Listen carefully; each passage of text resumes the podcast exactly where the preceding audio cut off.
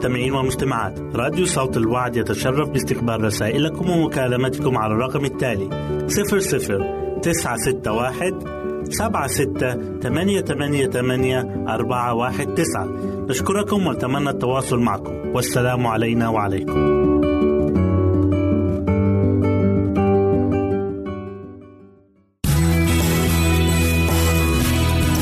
استماع وتحميل برامجنا من موقعنا على الإنترنت www.awr.org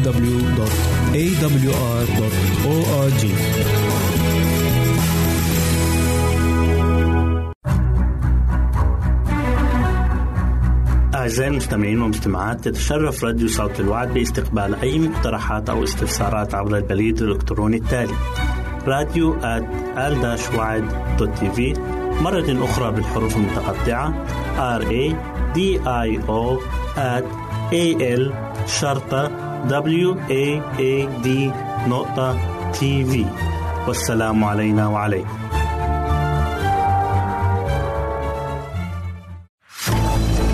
أعزائي المستمعين والمستمعات راديو صوت الوعد لا يكتفي بخدمتكم عبر الموجات الصوتية فقط بل وأنه يطرح لكم موقعا إلكترونيا يمكنكم من خلاله مشاهدة أجمل البرامج الدينية الثقافية الاجتماعية وغيرها من المواضيع الشيقة. يمكنكم زيارة الموقع من خلال العنوان التالي www.al-waad.tv مرة أخرى بالحروف المتقطعة www.al-waad.tv والسلام علينا وعليكم.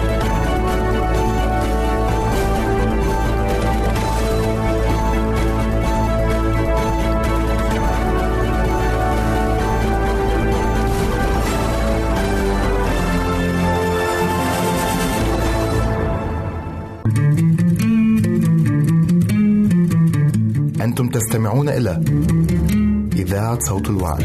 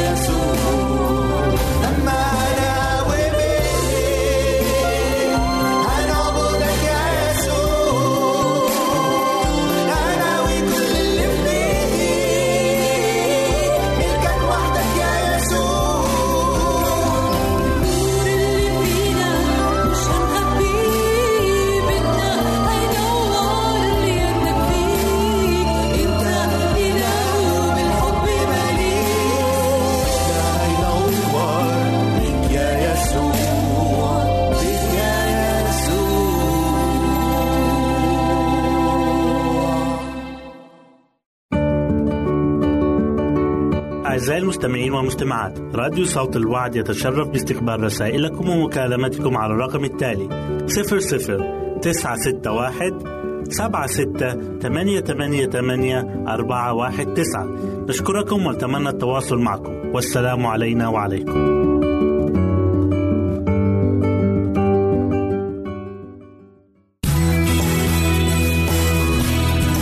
استماع وتحميل برامجنا من موقعنا على الإنترنت www.awr.org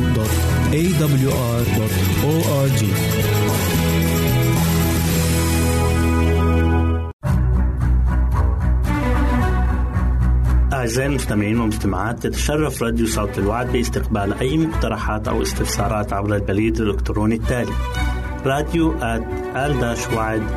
في مرة أخرى بالحروف المتقطعة R A D I O at A L شرطة W A A D نقطة تي في والسلام علينا وعليكم. أهلا وسهلا بكم مستمعينا الكرام في كل مكان. يسعدني أن أقدم لكم برنامج السراج المنير. وحلقة اليوم هنتكلم فيها عن الاكتفاء والقناعة الداخلية. الاكتفاء هو حالة من الرضا القلبي اللي بيشعر به الإنسان وبيشعر إن مفيش أي حاجة ناقصاه وكأنه يمتلك كل شيء. وده اللي قاله الرسول بولس مكتفيا بما أنا فيه. يعني مفيش أي حاجة ناقصاه ما عندوش شعور بإن هو محتاج أي حاجة أو في أي حاجة تنقصه. هل إحنا بنستمتع بالحالة دي؟ بيقول لنا الرسول في كورنثوس الثانية إصحاح تسعة والآية تمانية والله قادر أن يزيدكم كل نعمة لكي تكونوا ولكم كل اكتفاء كل حين في كل شيء تزدادون في كل عمل صالح. الله قادر إنه يمدنا بكل الموارد وكل احتياجاتنا اللي تكفينا. ده مش كده وبس ده لدرجة إننا نقدر نشارك الآخرين فيها كمان. وبالطريقة دي هنزداد في كل عمل صالح. وفي سفر الأمثال إصحاح 22 والآية 9 بيقول لنا الصالح العين هو يبارك لأنه يعطي من خبزه للفقير ونيجي نسأل السؤال إيه هو سبب عدم الاكتفاء؟ في داخل قلب الإنسان فراغ واحتياج وجوع مفيش حاجة أبدا تقدر تملى الفراغ ده وده اللي عبر عنه سليمان الحكيم لما قال في سفر الجامعة إصحاح واحد والآيات سبعة وثمانية كل الأنهار تجري إلى البحر والبحر ليس بملآن. العين لا تشبع من النظر والأذن لا تمتلئ من السمع. مش ممكن أبدا الأشياء المادية تملى احتياجات الإنسان النفسية. يعني أحدث الموبايلات وأحدث العربيات وكل الحاجات اللي بتنظرها العين عمرها ما تملى الفراغ اللي دخل الإنسان. عمرها ما تملى قلب حزين فارغ. ولكن للأسف الإنسان بيجري وراها. عشان كده بيقول لنا في إنجيل يوحنا إصحاح 3 والآية 13 كل من يشرب من هذا الماء يعطش أيضا. مع ازدياد الاختراعات الحديثة بنلاقي الناس بتجري وراها سواء في مجالات الأجهزة الإلكترونية والكهربية أو صناعة العربيات. فبتلاقي اللي انت اشتريته امبارح بيصبح النهاردة ملوش قيمة. عشان كده كل واحد عايز كل ما هو جديد ومفيش اكتفاء. لكن إيه خطورة عدم الاكتفاء والقناعة؟ خطورة عدم الاكتفاء والقناعة إنها بتخلي الإنسان في حالة من الحزن والكآبة المستمرة. الكآبة اللي بتسيطر على القلب وبتخلي الإنسان يشعر بالحسرة على أي حاجة هو مش قادر يحصل عليها. بالرغم إن يكون عنده حاجات كتير. وده بالظبط اللي حصل مع أخاب الملك. لما فشل إنه يحصل على كرم نابوت اليزرعيلي عشان يضمه للقصر بتاعه. بيقول لنا الكتاب المقدس في سفر ملوك الأول إصحاح 21 والآية 4 فدخل أخاب بيته مكتئبا مغموما واضطجع على سريره وحول وجهه ولم يأكل خبزا. ياه! معقولة عدم الاكتفاء يعمل في ملك ده كله؟ دايما عدم الاكتفاء بيخلي الإنسان يلجأ لطرق غير مشروعة عشان يلبي رغباته. وده كمان اللي عمله أمنون ابن الملك داوود. لما تملكته الشهوة الجنسية ولجأ لخطة خبيثة عشان يغتصب بيها فتاة مسكينة اسمها سمار والكارثة الكبرى إنها كانت أخته. يا للعار. مش كل ده بسبب عدم القناعة اللي بتخلي الشخص غير مكتفي دايما وفي وضع احتياج ونقص مستعبد لكل حاجة. وبينطبق عليه القول اللي قاله سليمان الحكيم في سفر الأمثال إصحاح 13 والآية 7 يتفاقر وعنده غنى جزيل. أحبائي شخص الرب يسوع وحده هو اللي يملى كيان الإنسان الداخلي. مش الأشياء المادية الزايلة. زي ما قال في إنجيل يوحنا إصحاح 4 والآية 14 من يشرب من الماء الذي أعطيه أنا فلن يعطش إلى الأبد. بل الماء الذي أعطيه يصير فيه ينبوع ماء ينبع إلى حياة أبدية.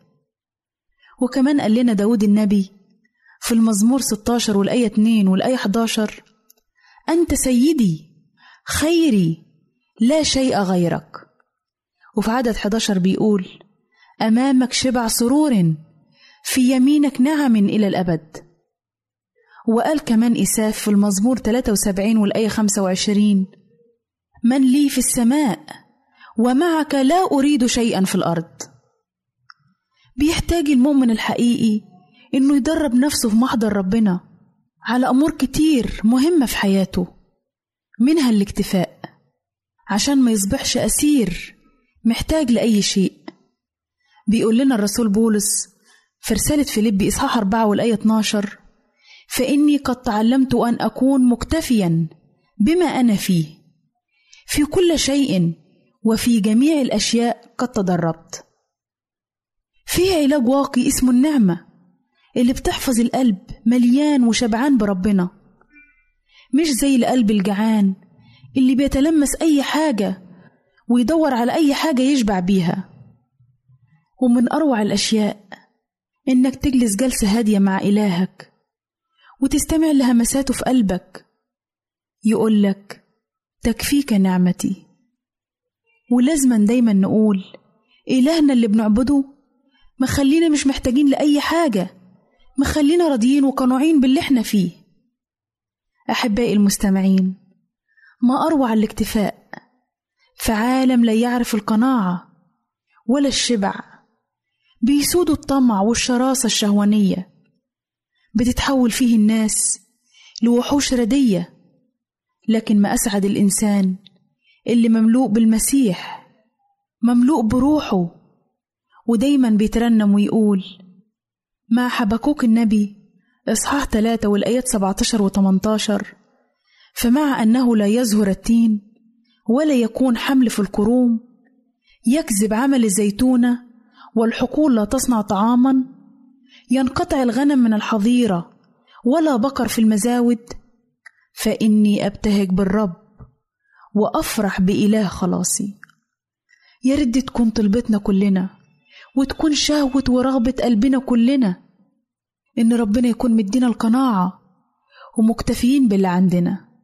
والله يبارك في القليل اللي في إيدينا. وبكده أحبائي نكون وصلنا لنهاية برنامجنا السراج المنير. نسعد بتلقي آرائكم ومقترحاتكم وتعليقاتكم وإلى لقاء آخر على أمل أن نلتقي بكم. تقبلوا مني ومن أسرة البرنامج أرق وأطيب تحية. أعزائي المستمعين والمستمعات راديو صوت الوعد لا يكتفي بخدمتكم عبر الموجات الصوتية فقط بل وإنه يطرح لكم موقعا إلكترونيا يمكنكم من خلاله مشاهدة أجمل البرامج الدينية الثقافية الاجتماعية وغيرها من المواضيع الشيقة. يمكنكم زيارة الموقع من خلال العنوان التالي www.al-waad.tv مرة أخرى بالحروف المتقطعة www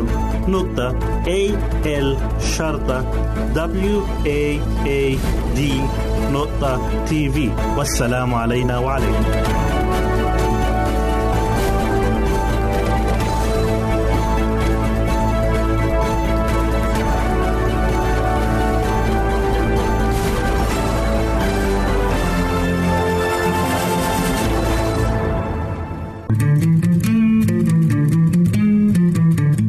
أنتم تستمعون إلى إذاعة صوت الوعد.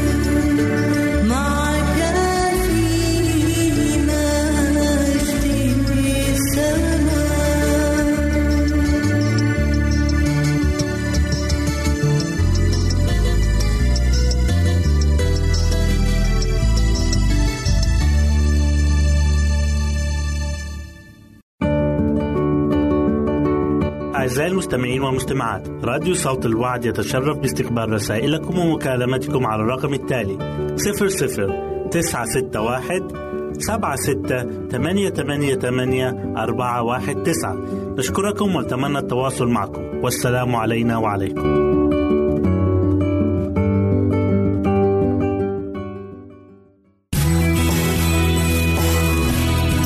يمكنك استماع وتحميل برامجنا من موقعنا على الإنترنت www.awr.org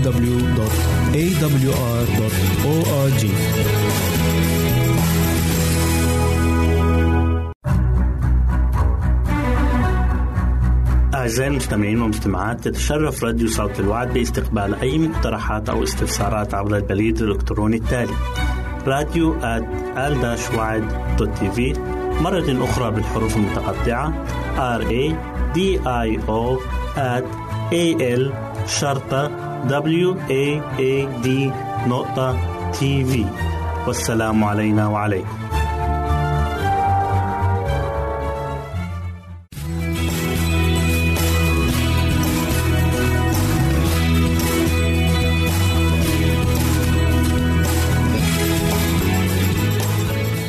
أهلا وسهلا بكم مستمعينا الكرام.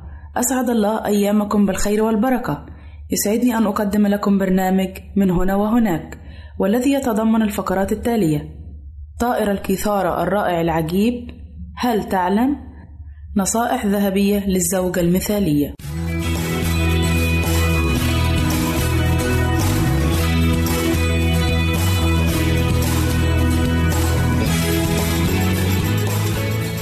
طائر الكثار الرائع طائر أرضي. أي أنه لا يستطيع الطيران على عكس الببغاوات وموطنه الأصلي هو أستراليا.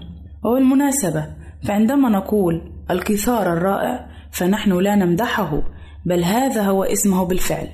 لهذا الطائر المدهش القدرة على القيام بإصدار عددا متتالي من الأصوات والصيحات التي يقلد بها أصوات كل شيء ممن يسكن الغابات حيث يعيش سواء كانت تلك الأصوات لطيور أخرى أو لحيوانات.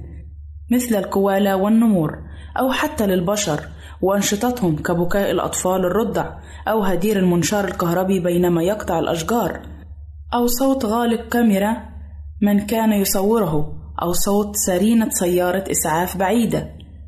إلا أن طائر الكثارة لا يتوقف عند هذا الحد بل يتعداه إلى مستوى آخر خيالي تماماً. فطيور الكيثارة الرائعة لا تقوم بتقليد ما تسمعه فحسب. بل تمرره كذلك للأجيال التالية أي أنه لا يقلد غيره من الأجناس بل يقلد جنسه كذلك. ويحتفظ بتلك الأصوات عبر السنين كنوع من توارث الأصوات ليسترجعها متى أحب وكأنها خبرة ذاتية اكتسبها من المصدر مباشرة. فحالما يتعلم طائر الكثارة صوتا ما فهو لا ينساه أبدا ويبدأ في تمريره إلى الأجيال التالية. من صغاره وصغار جيرانه الذين بدورهم يمررونه للأجيال اللاحقة. والنتيجة؟ أن تتحول هذه الطيور لآلات زمن حقيقية تبث مقاطع صوتية من الماضي لم يعد لها وجود في العصر الحالي. وعلى الرغم من أن ذكر وأنثى الكيثارة يتمتعان بالقدرة على تقليد أي صوت يسمعونه تقريبا إلا أن ذكر الكيثارة يعد أكثر مهارة ومثابرة. على إظهار واستعراض هذه هذه القدرات الصوتية المدهشة. كوسيلة بطبيعة الحال للتباهي ودعوني أخبركم أن ذكور الكيثارة تقوم بهذا بأفضل طريقة ممكنة حيث يقوم الذكر بتنظيف رقعة مميزة من الأرض ويبني ما يشبه المنصة المرتفعة للوقوف عليها والبدء في استعراضه المدهش. فيا لعظمة خلق الله وروعته.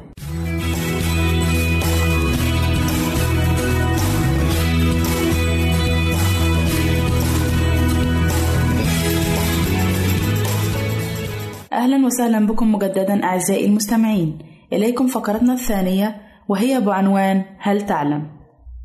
هل تعلم أن التفكير الزائد في الماضي أو المستقبل يدمر بعض الخلايا في جهات الدماغ المسؤولة عن معالجة الذكريات والشعور بالسعادة؟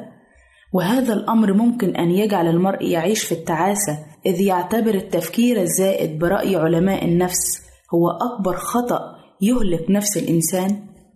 هل تعلم أن كثرة التعرض للاختبارات والامتحانات المدرسية تجعل الشخص أكثر عدائية وعنفًا في ممارساته وسلوكه العام؟ هل تعلم أن الفم يفرز نحو لتر من اللعاب يوميًا؟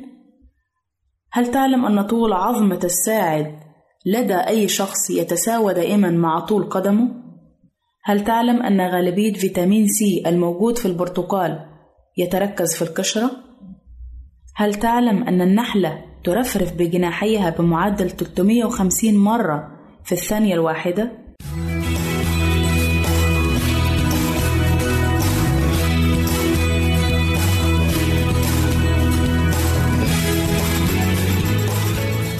أهلا وسهلا بكم مجددا أعزائي المستمعين إليكم فقرتنا الثالثة والأخيرة وهي بعنوان نصائح ذهبية للزوجة المثالية اجعلي تسبيحات الله تتردد دائما في بيتك وفي أغلب الأوقات. لا تضيعي وقتك لساعات طويلة أمام التلفزيون بل شاهد القليل معا في غرفة المعيشة وحاولي أن تفعلي شيئا إلى جوار المشاهدة. افعلي كل ما من شأنه أن يكون الاحترام المتبادل هو اللغة المشتركة بينكما. لا تخبئي شيئا عن زوجك مهما كان صغيرا فالصراحة والشفافية هما العملة التي يجب أن تسود بينكما. كوني لزوجك أما في البيت بحنانك وكوني له حبيبة بدفئك وعواطفك. حاولي قدر المستطاع أن تنتهي من شغل البيت قبل أن يصل زوجك بقدر المستطاع. كوني بشوشة بقدر ما تستطيعي. فالرجل لا يحب الزوجة النكدية مهما كانت. ودعي زوجك بقبلة واستقبليه بقبلة. ولتكن هذه عادة جميلة بينكما ادخري من دخلكما مبلغا كل شهر حتى لو كان صغيرا لأن المال الذي لا يزيد ينقص لا تبدي إعجابك الشديد بأشياء لا يستطيع زوجك تحقيقها حتى لا يشعر ولو بطريقة غير مباشرة بعجزه عن تلبيته. احرصي على أن يأكل زوجك في البيت وأن يأكل من صنع يديك. حاولي أن تفهمي كل ما يريده زوجك ولو بمجرد النظر. احرصي على المناسبات التي تهم زوجك مثل عيد ميلاده وعيد زواجكما. اعملي ميزانية للبيت بالاشتراك مع زوجك على أن تحتوي هذه الميزانية على المصاريف الثابتة والمتغيرة. وأخيرا عزيزتي، فهل تريدي أن تكوني زوجة مثالية؟ وهل ترغبين في الحفاظ على بيتك؟ سيدتي إن أردت أن تحافظي على مستوى المحبة بينك وبين زوجك عليك أن تستثمري وقتك بالحكمة ولا تصرفي وقتا في أشياء تبدو غير نافعة. بل كوني خلاقة في تدبير المنزل وخلق جو من البهجة وابحثي دائما على كل ما هو جديد ونافع. مع كل أمنياتي لكم مستمعاتي الكرام بالحب والاستقرار العائلي.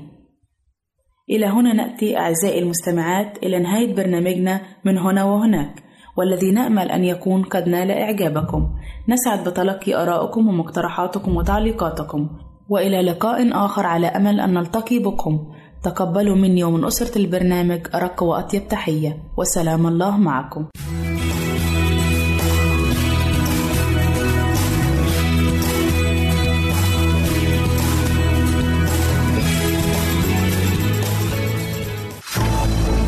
أعزائي المستمعين والمستمعات راديو صوت الوعد لا يكتفي بخدمتكم عبر الموجات الصوتية فقط بل وإنه يطرح لكم موقعا إلكترونيا يمكنكم من خلاله مشاهدة أجمل البرامج الدينية الثقافية الاجتماعية وغيرها من المواضيع الشيقة.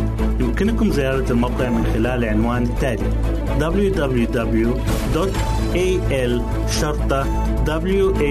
waad.tv مرة أخرى بالحروف المتقطعة. Www.al-waad.tv والسلام علينا وعليكم.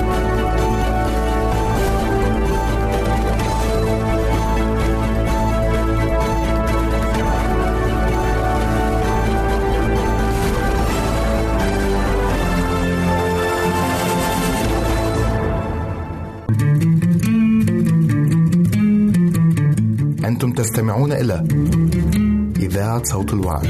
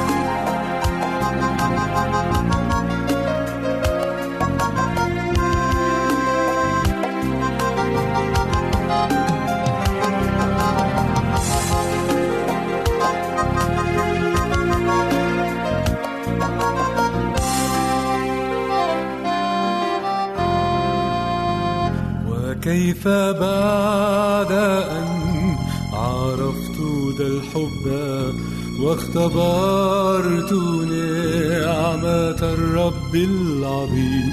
أصنع الشر وأجرح قلبه محزنا ربي وخلي الحميم إنني أبغي السماء العيش للعالم وأجرنا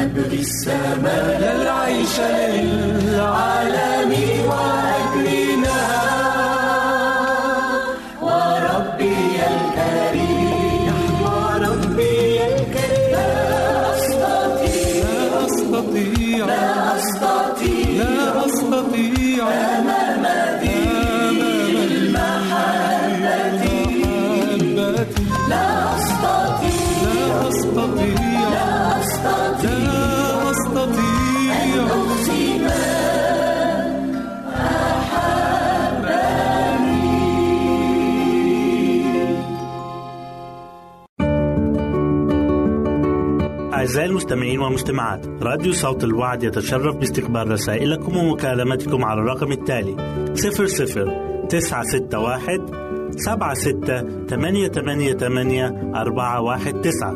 نشكركم ونتمنى التواصل معكم. والسلام علينا وعليكم.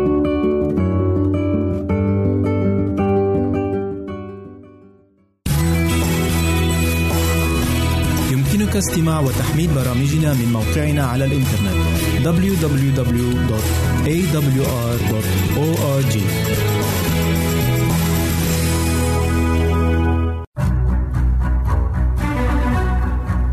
أعزائي المستمعين والمستمعات تتشرف راديو صوت الوعد باستقبال أي مقترحات أو استفسارات عبر البريد الإلكتروني التالي راديو في مرة أخرى بالحروف المتقطعة R A I O at A L شرطة W A A D نقطة تي في والسلام علينا وعليكم مرحبا بك عزيزي المستمع في هذا اللقاء الجديد من برنامجك الأسبوعي قصة وحكاية. عزيزي، هل تعرف ما هي المنارة؟ المنارة أو الفنار عبارة عن برج أو مبنى يقع بالقرب من الشاطئ أو في عرض البحر ويبعث النور من منافذ في أعلى المنارة عن طريق مصدر ضوئي أو بواسطة إشعال النار. تستخدم المنارة لمساعدة السفن على إيجاد طريقها في الليل. ولولا هذا النور المنبعث من المنارة لغرقت آلاف السفن ومات ملايين من الناس.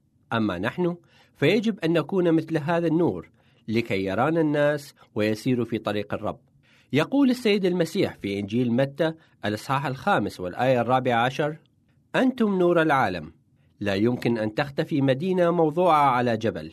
فتعال معي عزيزي لنستمع لهذه الحلقة التي تحمل عنوان نور العالم. في أحد الأيام وبينما كنت أسير في حارات المدينة القديمة عائدا إلى شقتي بعد أن أنهيت يوم عمل طويل مع التجار وأثناء مروري بإحدى القاعات سمعت أحد الواعظين يتحدث عن العطية المجانية فوقفت عند الباب لأسمع وبعد الانتهاء من العظة توقف للصلاة ثم أعطى المجال لفرقة الترنيم بالبدء بالترانيم الروحية. تشجعت على الدخول والجلوس في آخر صف. شعرت بأن شيئا بدأ يتحرك في قلبي وعقلي. وعلى مدار الأسبوعين التاليين حضرت الاجتماعات يوما بعد يوم. كان ينتابني شعور بأن روح الله يعمل في داخلي. ومع انتهاء الاجتماعات كانت عندي رغبة بأن أشارك الأشياء الجميلة التي رأيتها وسمعتها عن الله وعن خطة الفداء التي وضعها لنا لإنقاذ العالم من الخطيئة والشر. لم أعد أفكر في التجارة والصفقات كما كنت سابقا، فانحصر تفكيري في الله والروح القدس وكيفية فتح المجال له للعمل بداخلي. بعد فترة رجعت إلى القرية التي أعيش فيها مع عائلتي. كانت في داخلي أخبار جديدة أريد أن أشارك بها أهلي وعائلتي وجيراني. إنها بشارة الملكوت. فبدأت بتكوين مجموعة صغيرة للصلاة مع أفراد العائلة وبعض الجيران. بدأنا بقراءة التطويبات في إنجيل متى الإصحاح الخامس إلى أن وصلت إلى الآية الرابعة عشر والتي تقول: أنتم نور العالم، لا يمكن أن تختفي مدينة موضوعة على جبل. فجلست في لحظات من التأمل أفكر كيف يمكن أن أكون نورا للعالم. وهل ممكن للهيكل الذي أعطاني إياه الله أقصد جسدي أن يكون مضاءً لكي يراه الناس؟ هل من الجميل أن يكون النور في داخلي يشع على صورة جميلة ملونة مرسومة على قطعة من الزجاج فيستطيع جميع الذين من حولي أن ينظروا إلى هذه الصورة الجميلة والتمتع بها؟ بعد فترة من الصلاة والتأمل استطعت أن أدرك أن الله أعطانا إرشادات بسيطة عن الصحة لها قيمة وفائدة كبيرة علينا وعلى المحيطين بنا وبنعمة الرب القدير فإنه قادر أن يصنع بي وبمساعدة الروح القدس الذي أعطاني إياه حتى أستطيع أن أكون خير شاهد لعائلتي وأصحابي وجيراني والعالم أجمع. استطعت أنا وأفراد عائلتي وبعض الجيران من الاجتماع كل يوم سبت للصلاة والعبادة. وكما إن محبة نور السيد المسيح كانت تشع من جميع المؤمنين الذين كانوا يتعبدون معي في يوم السبت من خلال الكلمة والأعمال التي كنا نقوم بعملها فإن عجائب شفاء عديدة حدثت فيما بيننا. لقد بدأ نور الرب يشع فينا واحدا تلو الآخر، وأصبح أقوى وأقوى كلما قبلنا الكلمة، وبدأ ينتشر بين أفراد العائلة جميعا وفي كل أرجاء القرية. لقد اتخذ السيد المسيح هذا التحدي عندما قال في إنجيل متى الإصحاح الخامس والآية السادسة عشر: فليضئ نوركم هكذا قدام الناس لكي يروا أعمالكم الحسنة ويمجدوا أباكم الذي في السماوات. عزيزي، هل تسمح لنور الله أن يشع من داخلك لينير العالم من حولك؟ أجمل الأماني أرجوها لكم أنا يوسف حبيب وإلى اللقاء. أعزائي المستمعين والمستمعات راديو صوت الوعد لا يكتفي بخدمتكم عبر الموجات الصوتية فقط بل وإنه يطرح لكم موقعا إلكترونيا يمكنكم من خلاله مشاهدة أجمل البرامج الدينية الثقافية الاجتماعية وغيرها من المواضيع الشيقة. يمكنكم زيارة الموقع من خلال العنوان التالي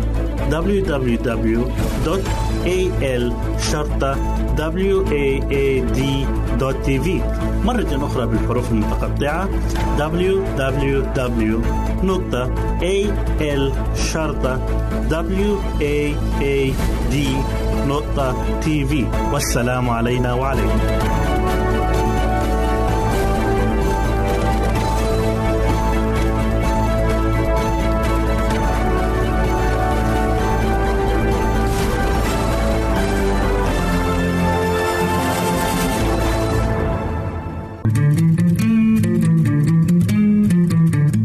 أنتم تستمعون إلى إذاعة صوت الوعد.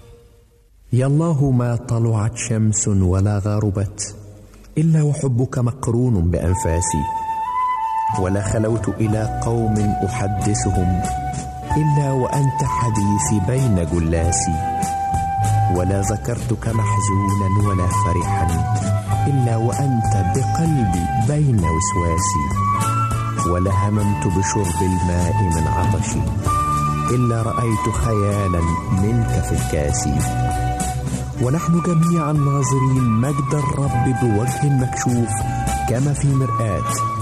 نتغير إلى تلك الصورة عينها من مجد إلى مجد كما من الرب الروح ناظرين مجد الرب. أمنية داعبت خيال الأتقياء وصلاة رفعها الأنبياء. أن يروا الله. قال موسى أرني مجدك. وكانت طلبت في لبس. أرنا الآب. وكفانا. فهل تريد أن تراه؟ هل ترى الله؟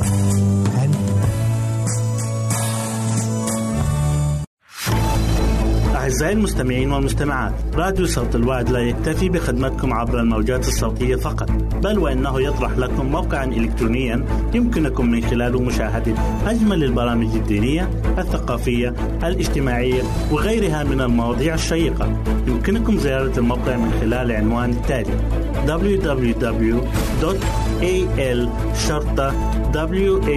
waad.tv مرة أخرى بالحروف المتقطعة. Www.al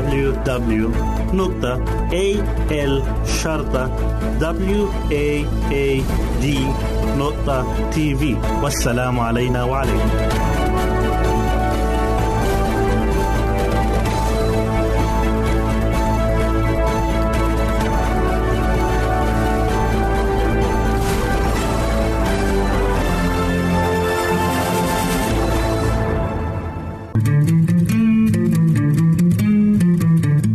أنتم تستمعون إلى إذاعة صوت الوعد.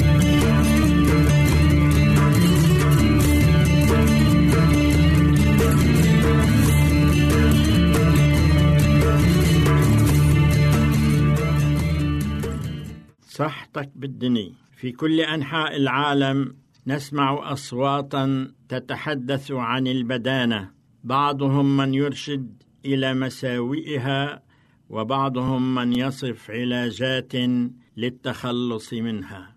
والبعض الآخر قد يقوم بدعايات لعلاجات وعقاقير للتخلص منها. وكذلك قامت حول هذا الموضوع مجموعة كبيرة من الخرافات. كونوا معنا. يوجد أكثر من 58 مليون أمريكي يعانون من البدانة. أو السمنة.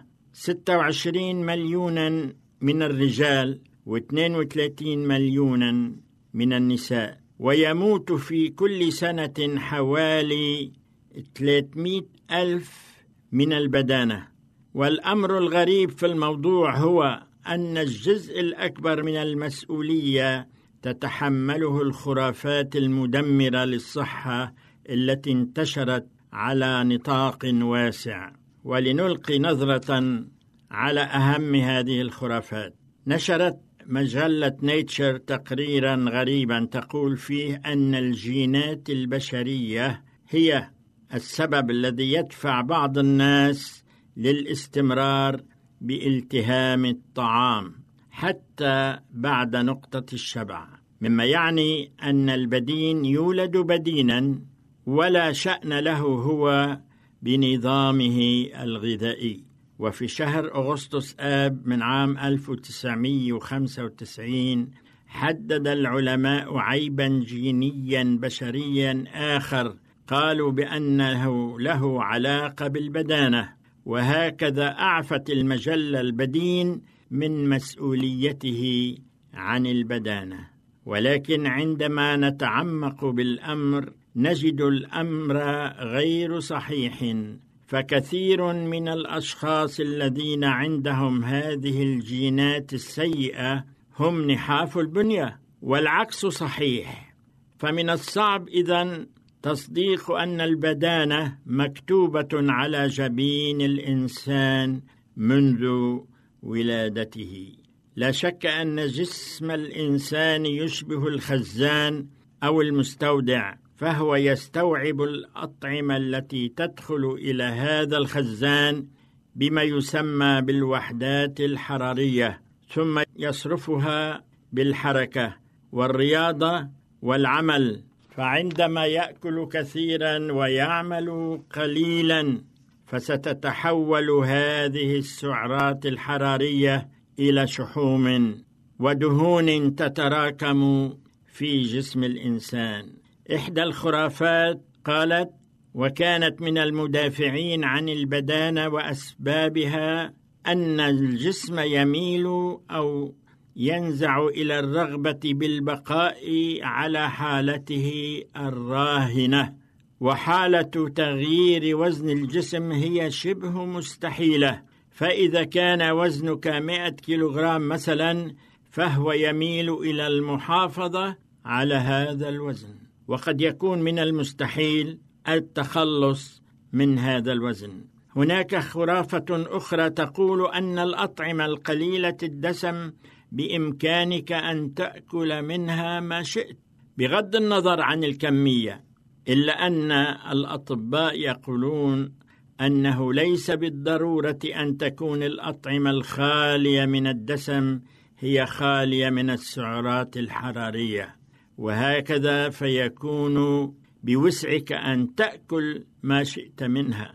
عديد كبير من الأطعمة الخالية من الدسم أو المنخفضة الدسم تحتوي عددا كبيرا من السعرات الحرارية فالعديد من مصنعي الأغذية يضيفون إلى طعامهم الكثير من السكر ليعوضوا عن المذاق الذي يفقدوه في تخفيض نسبة الدسم والخلاصة هي أن الأطعمة الخالية من الدسم لن تنجيك من البدانة.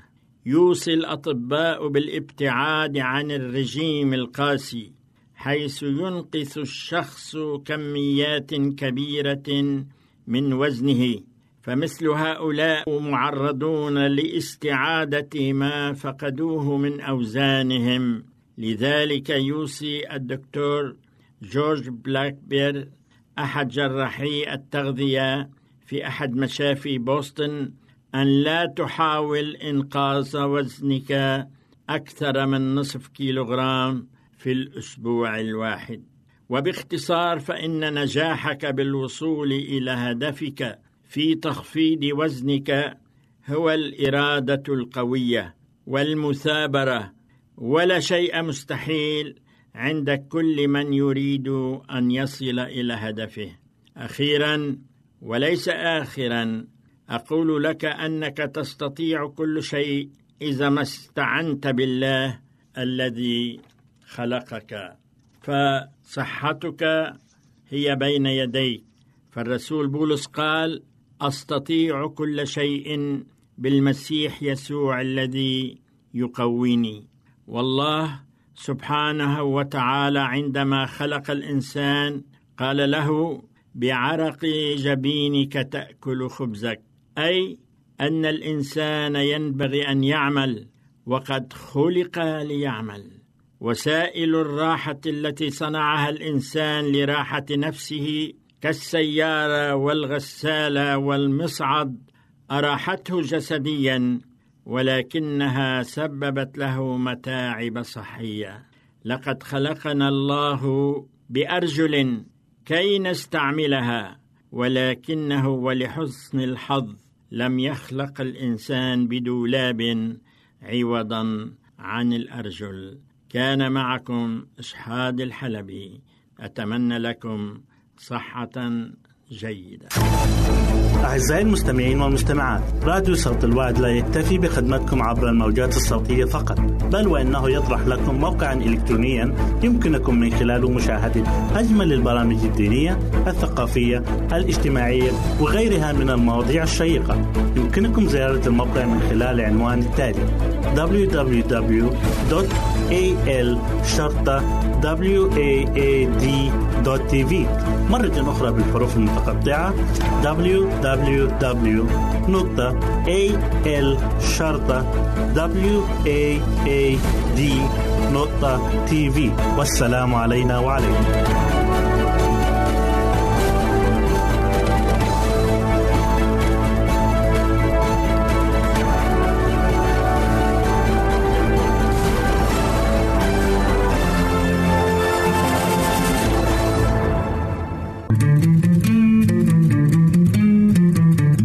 أنتم تستمعون إلى إذاعة صوت الوعد.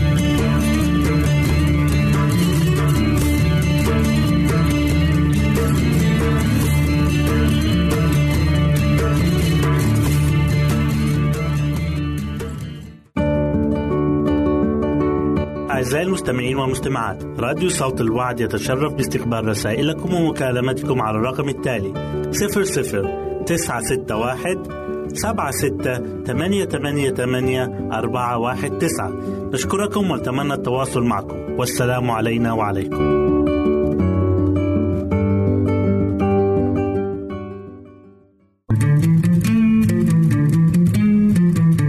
أنتم تستمعون إلى إذاعة صوت الوعد.